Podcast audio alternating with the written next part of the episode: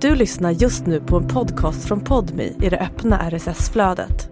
För att få tillgång till Podmis alla premiumpoddar helt utan reklam, prova Podmi Premium kostnadsfritt. Ladda ner appen i App Store eller Google Play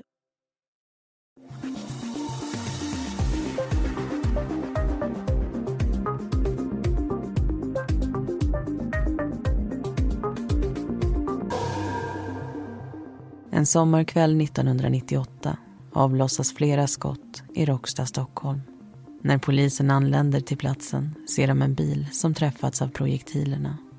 Föraren tas om hand av brandkårs och ambulanspersonal men död förklaras på sjukhus efter en dryg timme. Mannens identitet är inte okänd för dem.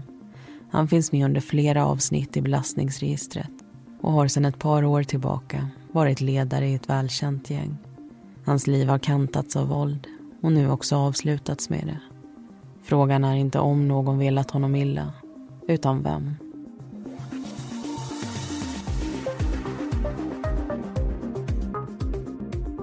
Du lyssnar på Mordpodden, en podcast om den mörka verkligheten. I veckans avsnitt ska du få höra berättelsen om brödraskapsmordet.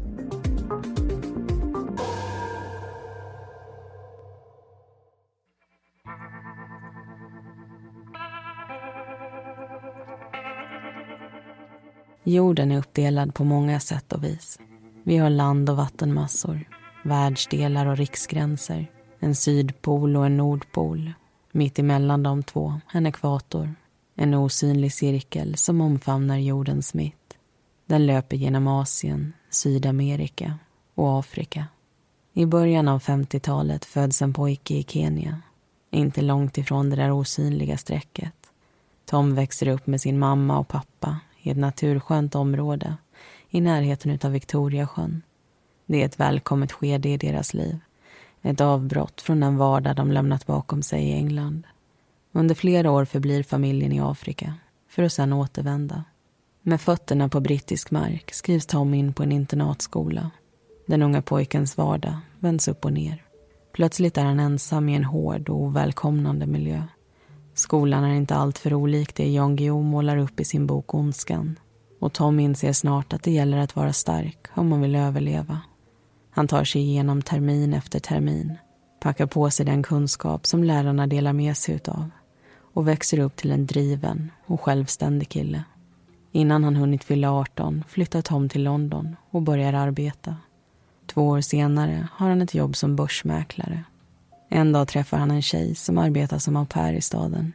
Hon kommer från Sverige och när det är dags för henne att resa hem följer Tom med. De gifter sig under 70-talet och får snart veta att de ska bli föräldrar. En decemberdag välkomnar de en dotter. Familjen är bosatt i Stockholm och Tom arbetar som rostskyddsbehandlare. Under 80-talet kommer han för första gången i kontakt med det svenska rättsväsendet. Han döms för involvering i ett slagsmål och får ett kort fängelsestraff. Tillsammans med en vän vid namn Gunnar bestämmer sig Tom för att bli egenföretagare. De skaffar en verkstad ihop och under några år så går det riktigt bra för dem. Tom och hans fru har gått isär men han har en ny kvinna i sitt liv och tillsammans har de fått en son. Men så gör Tom några dåliga investeringar. Han drar på sig skulder och ekonomin blir körd i botten. För att lösa pengaproblemen väljer Tom att på allvar ta ett steg över till den andra sidan om lagen. Han har i perioder arbetat som dörrvakt och skaffat sig några vänner han hoppas ska bli sugna på planen han ruvar på. Han har rätt. Tom lyckas rekrytera tre stycken killar. Tillsammans börjar de planera ett rån. Tom är drivande och den som tänker igenom detaljerna. De ska slå till mot en värdetransport och i början av augusti sätts planen i rörelse. De beger sig till en bank, observerar två väktare som flyttar last in i fordonet de riktar in sig på. Innan killarna hinner slå till blir de dock överraskade av en man. Han får syn på dem och planen ändras snabbt. Mannen slås ner och de blivande rånarna flyr utan något byte. Några dagar senare gör de ett nytt försök på annat håll. När värdetransporten kör in i ett garage följer killarna efter. Med skjutvapen i sina händer avlossas varningsskott. Väktarna förstår snabbt att de inte har något att sätta emot. Stöldgodset flyttas från deras transport och in i rånarnas famn. Därefter flyr killarna till ett väntande fordon. Då de befinner sig bakom lykta dörrar igen kan de börja räkna sedlar. Det visar sig att de kommit över nästan en och en halv miljon kronor. Men även om inga sirener hörs där och då så är polisen dem på spåren. Det dröjer inte länge innan samtliga stämplats som misstänkta. I förhörsrummen kommer snart delar av sanningen fram. Två av killarna viker sig och berättar hur det hela gått till och att Tom varit drivande. Det räcker för åtal och åklagaren går vidare med fallet. 1993 faller domen i det numera kallade ringenrånet. Tom anses skyldig till grovt rån och påföljden bestäms till åtta års fängelse. Ännu en gång får Toms liv en rejäl vändning. Han går från en vardag med jobb och familj till att bli inlåst på en av Sveriges säkraste anstalter, Kumla. Lik tiden på internatskolan leder förändringen till att Tom hårdnar. Vissa dagar får han stryk. Andra dagar är det hans egna händer som står för våldet. Beslut och möjligheter har tagits ifrån Tom, likt de andra internerna. De har inte mycket i sin vardag de kan påverka och de vägar som finns tycks krångliga och ge otillfredsställande resultat. Tom, som alltid varit driven, alltid haft ett projekt att fokusera på, letar efter ett utlopp för sin energi. Han vill inte att livet ska stå still bara för att han befinner sig på insidan. Och han vill inte hamna i samma sits igen, där personer hänger ut honom för att rädda sig själva. Tänk om man alltid kunde ha någon som höll en om ryggen. Tänk om man aldrig var ensam. Att det alltid fanns lojala människor runt omkring som man kände en tillhörighet med. En familj, ett brödraskap. Toms tid på insidan läggs på research. Han läser om kriminella organisationer, mc-klubbar och fängelsegäng. Hur de är uppbyggda och hur de fungerar. Våren 1995 tar han all den där kunskapen och tillsammans med några andra grundar han en egen som passande nog får just namnet Brödraskapet.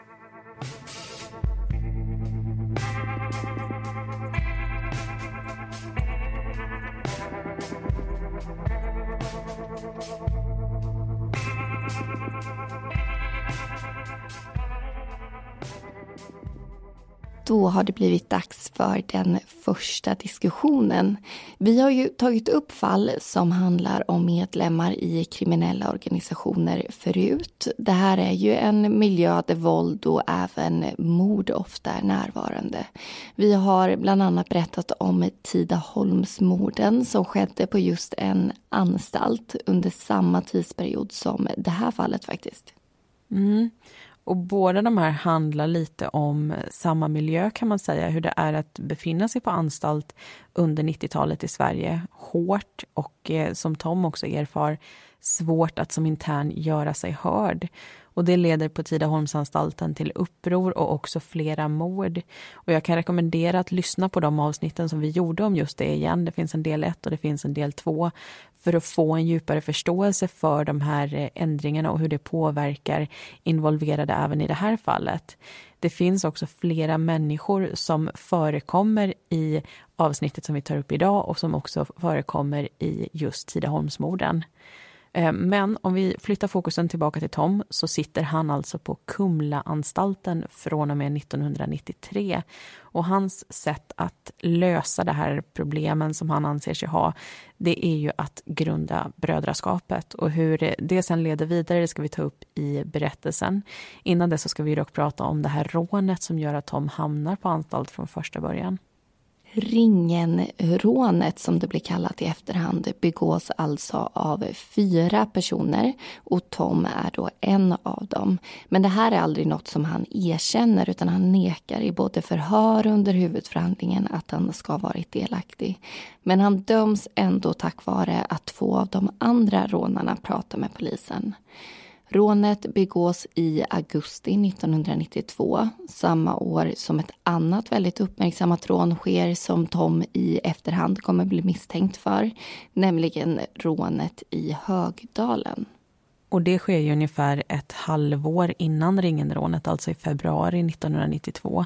Och även här så handlar det om ett värdetransportrån som begås i just Stockholm. Men bytet som rånarna kommer över det är bra mycket större den gången. Istället för de här en och en halv miljonerna som ringenrånet ger så kommer man vid Högdalen över runt 20 miljoner kronor. Och det som gör att det fallet sticker ut extra mycket det är inte ens den här stora summan utan det faktum att det inte bara är ett rån som begås. Under den här insatsen så stöter rånarna inte bara ihop med väktare Hej, jag Ryan Reynolds. Recently, I asked Mint Mobiles legal team if big wireless companies are allowed to raise prices due to inflation. They said yes. And then when I asked if raising prices technically violates those onerous two-year contracts, they said, what the f*** are you talking about, you insane Hollywood ass?" So to recap, we're cutting the price of Mint Unlimited from $30 a month to just $15 a month. Give it a try at mintmobile.com slash switch. $45 up front for three months plus taxes and fees. Promo for new customers for limited time. Unlimited more than 40 gigabytes per month. Slows. Full terms at mintmobile.com. Utan också ett antal poliser som följer efter dem när de flyr. Skott avlossas mot deras bil och träffar en av poliserna i bröstet. 53-årige Leif Widengren dör av sina skador vilket såklart gör kollegorna extra angelägna om att få tag i de här gärningspersonerna som nu inte bara är rånare utan faktiskt mördare. Men trots en stor utredning så har fallet aldrig fått en lösning. Under många år så har det varit känt som det enda olösta polismordet i Sverige. Idag kan vi inte säga det längre då ytterligare en polis miste livet den här sommaren 2021. Även om förhoppningen såklart är att få ett avslut på det så är det i eh, dagsläget inte löst. Och det här som sker i Högdalen 1992 är ju som sagt någonting som Tom misstänks för men som de aldrig lyckas knyta honom till med säkerhet. Och jag kan personligen tycka att det känns lite löst med de här misstankarna. Jag har såklart inte den insikt som poliserna i utredningen har men en av sakerna som gör att poliserna kommer Tom och de andra på spåren sommaren 1992 i och med ringenrånet det är hur de spenderar sina pengar. De väntar inte särskilt länge på att sätta sprätt på sin del av bytet och det blir väldigt märkbart när de går från att ha skulder till att plötsligt betala av dem samtidigt som de köper bilar och båtar med mera. Vilket såklart drar blickarna till sig. För mig talar det om att det är lite amatörsmässigt gjort eller gjort ur desperation. Och om Tom hade varit med och delat på 20 miljoner kronor bara några månader tidigare varför gjorde han inte samma sak då? Alltså tog sig ur de här skulderna och spenderade på det sättet också och återigen drog polisens blickar till sig. Och sen kan jag tänka också, skulle det överhuvudtaget behövas ett nytt rån så nära inpå? Det är ju en stor summa de har kommit över innan. Hinner man spendera den på så kort tid att man vill råna igen bara några månader senare? Mm, det är mycket man kan fundera på i det här. Och polisen kommer som sagt inte närmare någon lösning i det här fallet. Gärningspersonerna har än idag inte identifierats eller ställts inför rättvisa. Men med lite mer kött på benen vad gäller Toms bakgrund så har det blivit dags att gå tillbaka till berättelsen och höra vad som händer efter att brödraskapet bildats.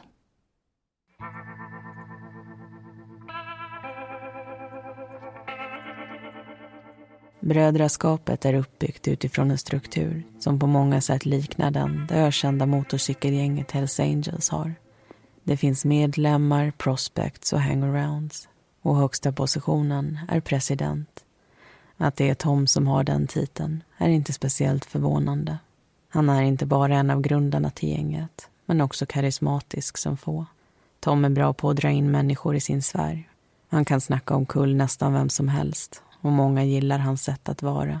Okomplicerad, inte rädd för en utmaning och någon som arbetat hårt och mycket i sitt liv. När Tom möter motgångar tar det inte bara stopp. Han må klura och fundera, men han hittar också alltid en väg framåt och upp. Och det drivet är svårslaget. När brödraskapet börjar rekrytera är det många interner som är intresserade. Att tidningar börjar skriva om dem och särskilt hur Tom misstänks vara involverad i rånet och polismordet i Högdalen ger bara gratis publicitet. Samma sak kan sägas då man av rädsla försöker separera dem och placera ut medlemmar på olika anstalter. vilket leder till att deras ord bara sprids snabbare. Brödraskapet ger tillhörighet och förändring, inte bara på insidan av murarna. Utanför skapas också Brödraskapet MC, en organisation som ska se till att medlemmarna tas om hand även då de kommer ut. Man ska inte behöva gå från familj till ensamhet och kyla. Familjen ska kunna följa en vart man än är. Men för att bli medlem i Brödraskapet gäller det att man följer vissa regler. Man ska stolt kunna visa upp sina domar. Och det är viktigt att de är ett bevis på att man inte har tjallat. Att anpassa sig efter kriminalvårdens regler är ett minne blott.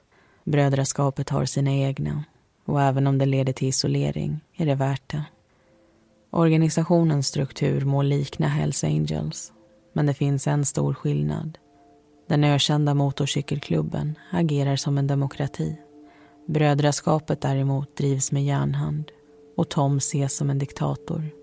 Då flera mord begås på Tidaholmsanstalten florerar rykten om att brödraskapet ska ha haft någonting med det att göra. I deras organisation finns numera medlemmar som utpressat, rånat och mördat. En tid går rekryteringen ofattbart snabbt och gänget växer likt inget annat. Men så trappas det ner.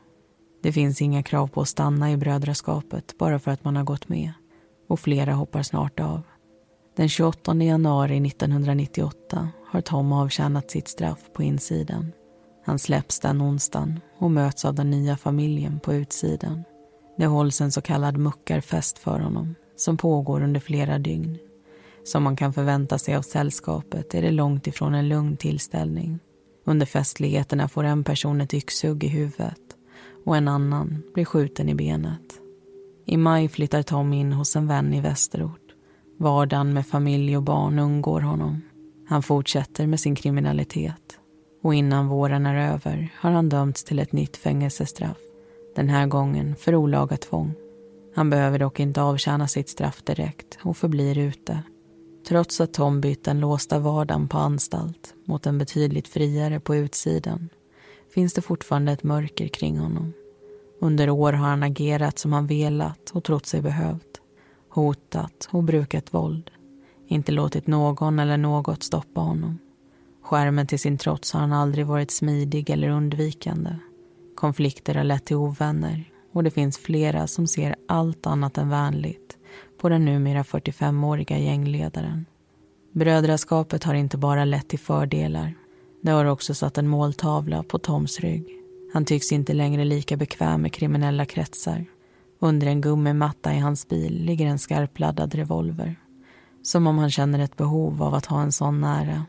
En dag blir han uppringd av en bekant, en före detta medlem i brödraskapet, 33-åriga Peter. De bestämmer sig för att ses den 18 juni på ett café i Norrmalm. Den torsdagen, när klockan närmar sig tio på kvällen, glider Tom in i förarsätet på sin bil.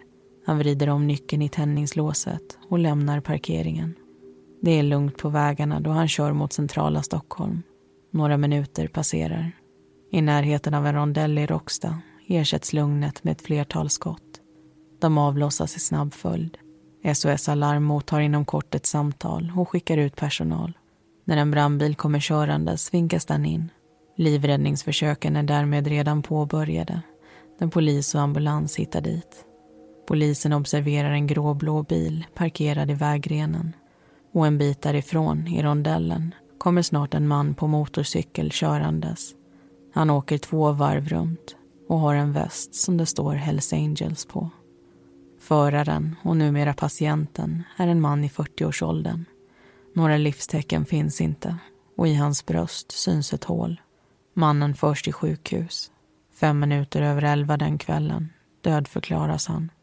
Bilen är parkerad 52 meter ifrån rondellen. Några bromsspår på backen syns inte till. Däremot hittar man både blod och hylsor. Kvarlämningarna från den avlossade ammunitionen är utspridda på en sträcka på 22,5 meter. Det visar att fordonet var i rörelse då kulorna letade sig igenom plåt och glas. Sex hål noteras på fordonets vänstra sida. I främre vindrutan ytterligare två.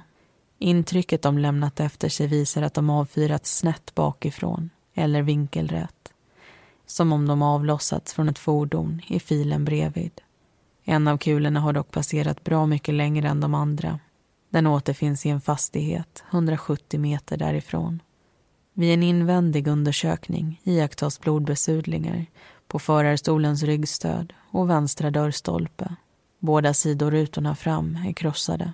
Under en gummimatta i baksätet hittas en skarpladdad revolver. Teknikerna finner också en anteckning. På den står det ett kafénamn nedskrivet med en adress och en tid. Det står också Peter. Då man fått klart för sig att offret är brödraskapets president landar insikten att det kommer med komplikationer. Utredningen kommer kräva mer än de flesta och alla vittnen lär inte vara samarbetsvilliga. Med hjälp av telefonavlyssning, tekniska undersökningar och magkänsla utvecklas dock förundersökningen sakta men säkert under sommaren och in på hösten. Tom har skaffat sig flera ovänner genom åren. Att någon velat honom illa är inte förvånande. Men frågan är vem som har haft resurser, möjlighet och faktiskt gjort slag i saken. Peter, vars namn hittas nedtecknat på en lapp i Toms bil, är en av dem som polisen misstänker. De har också två andra namn på sin lista. Lars och Mats. Två personer Head over to Hulu this March where our new shows and movies will keep you streaming all month long. Catch the award-winning movie Poor Things starring Emma Stone, Mark Ruffalo and Willem Dafoe. Check out the new documentary Freaknik, The Wildest Party Never Told about the iconic Atlanta Street Party. And don't miss FX's Shogun, a reimagining of the epic tale starring Anna Sawai. So, what are you waiting for? Go stream something new on Hulu. Hey, I'm Ryan Reynolds. Recently, I asked Mint Mobile's legal team if big wireless companies are allowed to raise prices due to inflation. They said yes. And then when I asked if raising prices technically violates those onerous two year contracts, they said, What the f are you talking about, you insane Hollywood ass? So to recap, we're cutting the price of Mint Unlimited from $30 a month to just $15 a month. Give it a try at mintmobile.com slash switch. $45 upfront for three months plus taxes and fees. Promo rate for new customers for limited time. Unlimited more than 40 gigabytes per month. Slows. Full terms at mintmobile.com. med kopplingar till mc-gänget Hog Riders. I oktober anser man att informationen är tillräcklig för att flytta utredningen framåt. Männen anhålls i sin frånvaro och grips den 13 och 15 oktober.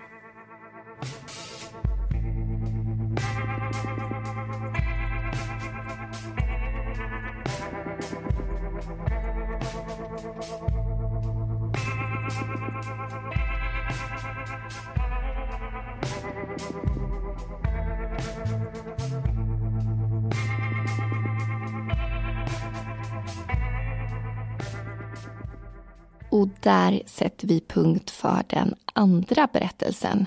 Vi ska ta de närmaste minuterna och prata om bland annat motiv, eller möjliga motiv ska vi säga, eftersom polisen hittar flera under loppet av sin utredning.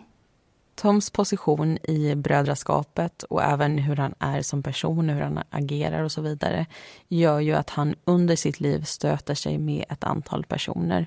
Så när eh, polisen gör en kartläggning i fallet så inser de ju att det finns flera människor som potentiellt skulle kunna ligga bakom hans död. Och det här är personer som lever och också agerar utanför samhällets regler så det är knappast ofarliga människor som hamnar på deras lista. Och en av de här människorna det är Gunnar som eh, Tom haft verkstaden ihop med under 90-talet. Efter att verksamheten lades ner 1992 så ska Tom nämligen ha försökt kräva sin före detta affärspartner på pengar. Och Gunnar, han är likt Lars och Mats, två av de män som grips i fallet, med i mc-klubben Hog Riders. Toms fientliga sida visas inte bara upp för Gunnar utan även flera medlemmar i den här klubben. I maj 1998 besöker Brödraskapets president nämligen Hog Riders klubblokal i Stuvsta. Han ska då ha varit beväpnad och uppträtt hotfullt men exakt vad som sägs eller görs det vet vi inte. Bara där så har ju polisen motiv och faktiskt flera misstänkta. Men det är inte den enda konflikten som uppenbaras. De får också veta att Tom förklarat krig mot Hells Angels efter att två medlemmar i brödraskapet lämnat hans gäng och gått över till den rivaliserade klubben. Tom ska också ha blåst en medlem i Hells Angels på pengar eller narkotika. Och det här är alltså tips, ska vi säga. Det är ingenting som polisen spikar och kan säga med full säkerhet att det är så det ligger till.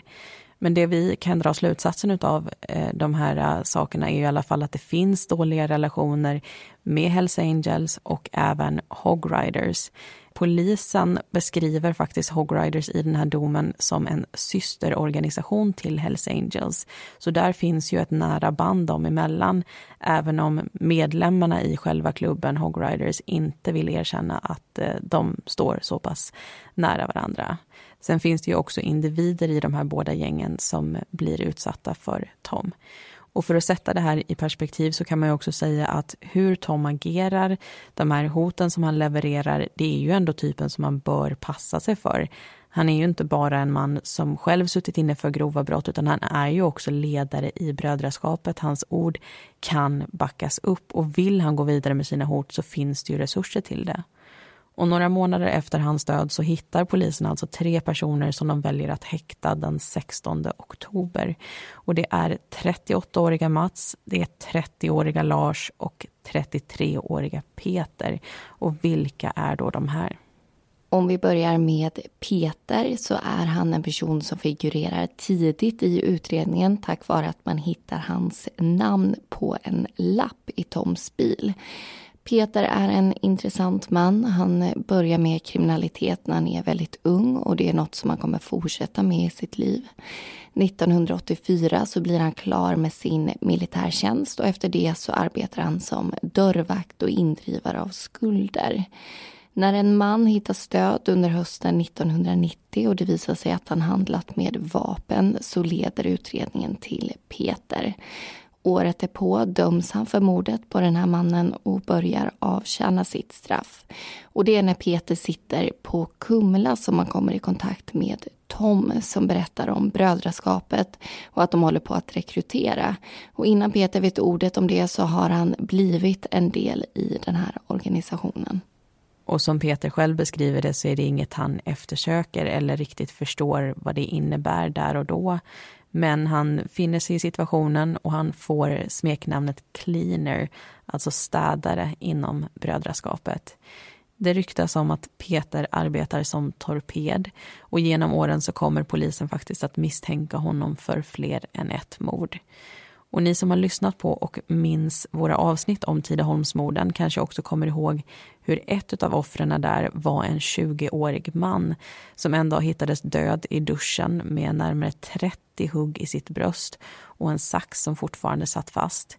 Och det klassades faktiskt som ett självmord även om det fanns mycket tvivel. Och den killen, han är vän till Peter. Och efter det här dödsfallet så ryktas det att människor i brödraskapet ska ha varit inblandade i hans död. Peter väljer under vintern eller våren 1997 att lämna det här gänget. Han menar att det inte beror på den här händelsen men hur som helst så går i alla fall han och brödraskapet skilda vägar. Vilket leder till att han automatiskt hamnar i bad standing med organisationen. Det vill säga att de inte ser positivt på honom och det han gjort.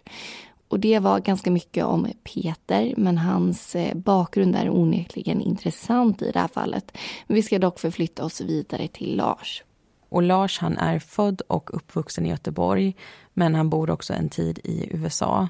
Och enligt egen utsaga så är han långt ifrån främmande vad gäller att vara inlåst. Första gången han hamnar bakom lyckta dörrar så är han bara 14 år och han förblir där tills han är 18 år. I sena 20-årsåldern så döms han för en mängd olika brott här i Sverige.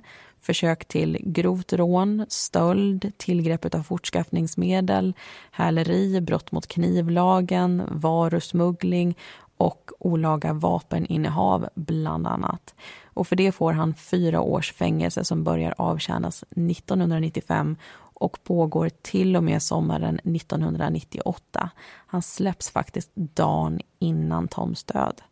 Och några månader innan han släpps fri så träffar han Peter på den här anstalten där de båda sitter och eh, de här två männen blir därigenom vänner. Och det är också under den här tiden då han sitter på anstalt mellan 1996 och 1997 närmare bestämt som Lars kommer i kontakt med mc-klubben Hog Riders. Och där lär han känna Toms före detta affärspartner också, Gunnar. Och så har vi också Mats som är född och uppvuxen i Stockholm. Han har familj, en fru och en dotter och är precis som Lars medlem i Hog Riders. Den här organisationen har vid det här tillfället flera säten runt om i landet. Lars är med i klubben i Linköping medan Mats är med i den i Stockholm. De här två männen känner varandra och är goda vänner sedan en lång tid tillbaka. Mats förflutna är inte prickfritt det heller. Han förekommer under fyra avsnitt i belastningsregistret och dömdes senast för bland annat grovt narkotikabrott. Den domen föll 1993 och påföljden blev fem års fängelse vilket leder till att han friges villkorligt i januari 1998. Nu när vi vet mer om de här tre männen som polisen har gripit så har det blivit dags att dyka tillbaka in i berättelsen och ta reda på vad som händer härnäst.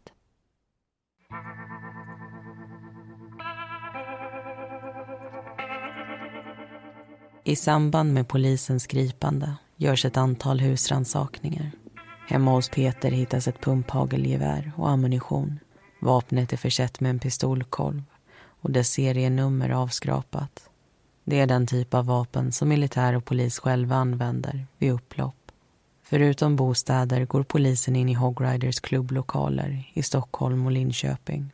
Man finner en almanacka som tillhör Mats, ett amerikanskt vapencertifikat utskrivet till Lars och en pistolkula, kaliber 45. Kulan som trängt in i Toms bröst, passerat genom båda lungorna och hjärtat, är dock 9 millimeter svensk militär tillverkning och överensstämmande med ammunition till en k-pist. På mordplatsen återfinns inte mindre än 23 hylsor av samma typ. Trots att många skott har avlossats är det få som träffat. Som om skytten varit ovan och ostadig. Man kan också konstatera att minst två olika vapen har använts. Vilket i sin tur tyder på att det kan vara fler än en gärningsperson. Det finns inga vittnen till själva mordet Ingen som sett vems händer vapnen vilat i. Observationer har dock gjorts innan och efter. Samma kväll som Tom dödas kommer en man körandes mot Vällingby-rondellen. Plötsligt ser han två bilar som ligger tätt efter varann. De kommer från Hässelbyhållet och det går undan. En av bilarna är röd. Mannen bromsar och följer sedan efter i samma riktning. En bit innan Råcksta-rondellen ser han en gråblå bil i vägrenen. När mannen kör förbi slänger han ett öga i sidled och möts av krossade rutor och en till synes livlös man.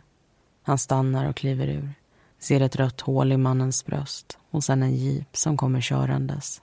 Han vinkar åt föraren och ber honom ringa efter hjälp. Den andra mannen plockar upp sin mobil och slår in numret till SOS Alarm. Snart har dock en brandbil vägarna förbi och männen pockar på larmfordonets uppmärksamhet, vilket de också får. Bara några minuter tidigare hade den man som ringt SOS blivit omkörd av en röd bil. När polisen pratar med honom förklarar han att den hade ett unikt signalement. Bakrutan var nämligen trasig och tejpad. Genom ett annat vittne har polisen ytterligare en pusselbit. Samma dag som mordet sker, fast någon timme tidigare, stod det några män i en korsning i närheten av mordplatsen. De såg ut att prata om något och vittnet beskriver dem som typiska mc-killar.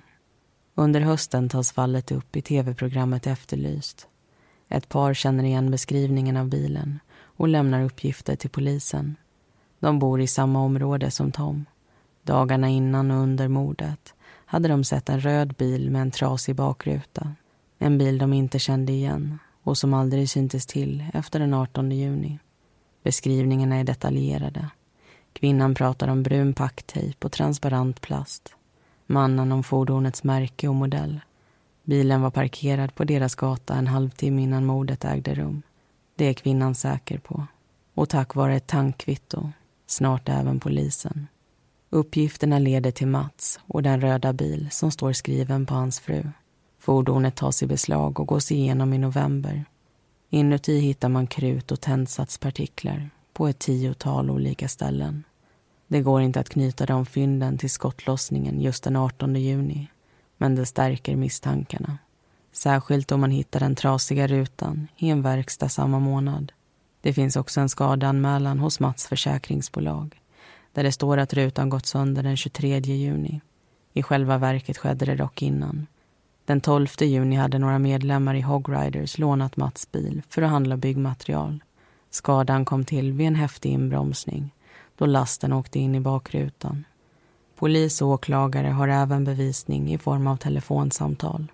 Både avlyssnade sådana och samtalslistor. Och här blir det intressant. Den 13 juni ringer Brödraskapets president till Hogriders klubblokal i Stuvsta. Samma kväll pratar Tom också med Gunnar, sin före detta affärspartner. När de lägger på ringer Gunnar snabbt upp flera av klubbens medlemmar. Den 17 juni kommer Lars ut från anstalten.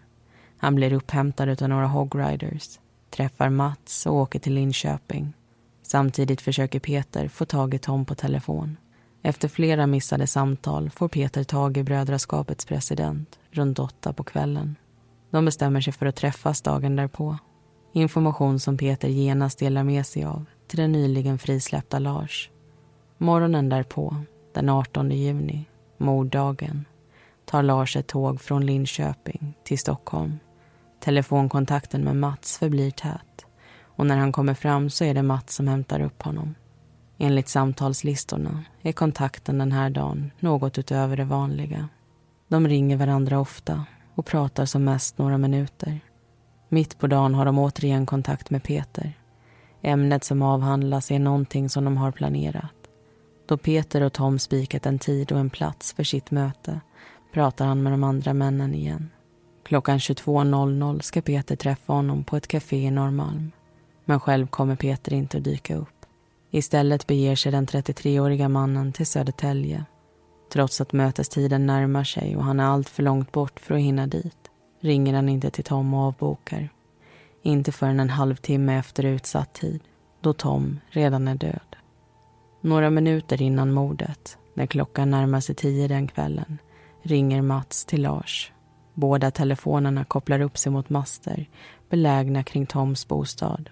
Samtalet varar i tre sekunder och det sägs bara tre ord. Nu kommer han. Den 7 januari 1999 lämnar åklagaren in en stämningsansökan. De får ett datum för huvudförhandlingen och lite mer än tre veckor efter det drar den igång. Åklagaren menar att Lars, Mats och Peter alla haft en betydande roll i skjutningen av Brödraskapets president. Mats och Lars bör fällas för mord och Peter för medhjälp till mord. Men det finns också alternativ och mindre brottsrubriceringar med i åtalet. De tilltalade själva motsätter sig det som åklagaren försöker lägga dem till last. Det läggs fram en mängd protokoll och utlåtanden som handlar om allt ifrån obduktionsfynd till vapen och telefonlistor. En del av åklagarens teori är att allting startade i början av sommaren då Tom besökte Hog Riders klubblokal och agerade hotfullt. Det behöver inte ha varit ett personligt agg och motiv. I miljöer som de inblandade befann sig i begås ofta mord av andra anledningar. Att döda en president är att påverka en rivaliserande klubbs inflytande. Det är också ett sätt att visa vad man accepterar och inte. Vart strecket bör dras och vad som händer om någon gör övertramp. När det är Lars, Peter och Mats tur att prata så låter det annorlunda. De har svårt att minnas och förklara vad alla de där samtalen handlade om. Mats berättar också för första gången att han inte hade tillgång till vare sig den röda bilen eller sin mobiltelefon den kvällen. De hade han lånat ut till några personer som han såklart inte kan berätta vilka de är. Om de varit involverade eller inte spelar ingen roll. Det finns regler och de bryter man inte. Domarna är dock skeptiska till hans förklaring och tycker sig se hål i berättelsen. Likaså hur Peter menar att han bara nämnde mötet med Tom i förbifarten till de andra männen och att han faktiskt ringde Tom då han blev sen, även om det var långt efter när de skulle ha setts. Genom telefonavlyssning vet man att Lars, en tid innan mordet, bett att få gömma undan ett vapen. Hans korta visit i Linköping får därför domarna att undra om det var en upphämtning. Morddagen i stort beskrivs med arbete, besök hos vänner, shopping, öldrickande och andra oskyldiga aktiviteter. Men återigen så väcker orden bara misstro. Mats säger sig ha haft vakt i klubbhuset och arbetat fem timmar den kvällen. Men almanackan som beslagtagits säger inte riktigt samma sak. Kort efter Toms död den kvällen tar sig både Lars och Mats till Hog Riders klubblokal i Stockholm. Det rings flera samtal, vissa mitt i natten och andra tidigt morgonen därpå. När en kvinna inte vill väcka sin sambo, som är ledare för Hog Riders i Linköping, förklarar Lars att han har en glad nyhet att berätta.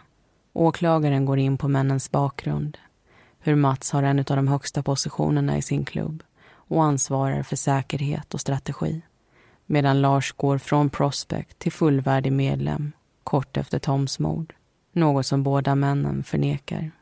I slutändan har domarna hört tillräckligt. De överväger och de funderar. Inte bara på vad de har fått berättat för sig men vad man faktiskt kan ställa utom rimligt tvivel. Det finns inga direkta bevis som knyter Lars eller Mats till mordplatsen. Inget mordvapen heller. Peter har ett alibi och motiv kommer man snart fram till inte kan spikas. Den 2 februari meddelar de sin dom. Ingen av de tre männen döms för mord. Lars och Mats anses dock båda skyldiga för medhjälp till mord.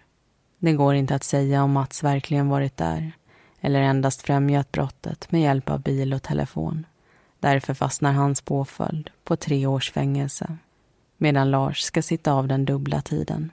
Peter kommer undan lindrigast av alla han döms för framkallande av fara för annan, grovt vapenbrott och vapenbrott. Påföljden landar på åtta månaders fängelse. Mats och Lars överklagar båda till hovrätten som beskriver mordet på Tom som en ren avrättning. Några minuter innan deras beslut meddelas tar dock Mats tillbaka sin överklagan. Hans treåriga straff står fast medan Lars skärps till åtta års fängelse. Dagen efter Toms död besöker några av hans bröder mordplatsen. De sätter upp en lapp på en lyktstolpe till minne av sin forna president. På den står det Gud förlåter, men inte vi.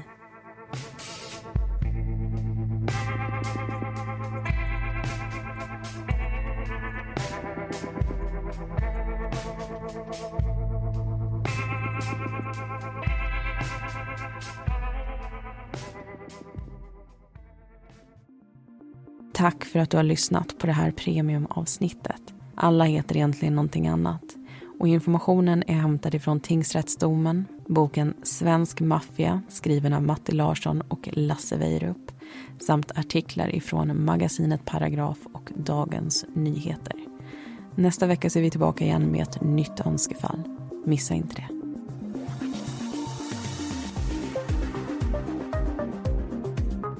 Vi som gör Mordpodden heter Linnea Bolin och Amanda Karlsson. Bakgrundsmusiken består av låtarna Lasting Hope, Lightless Dawn och Soaring av Kevin MacLeod samt Deep Space av Audionautics.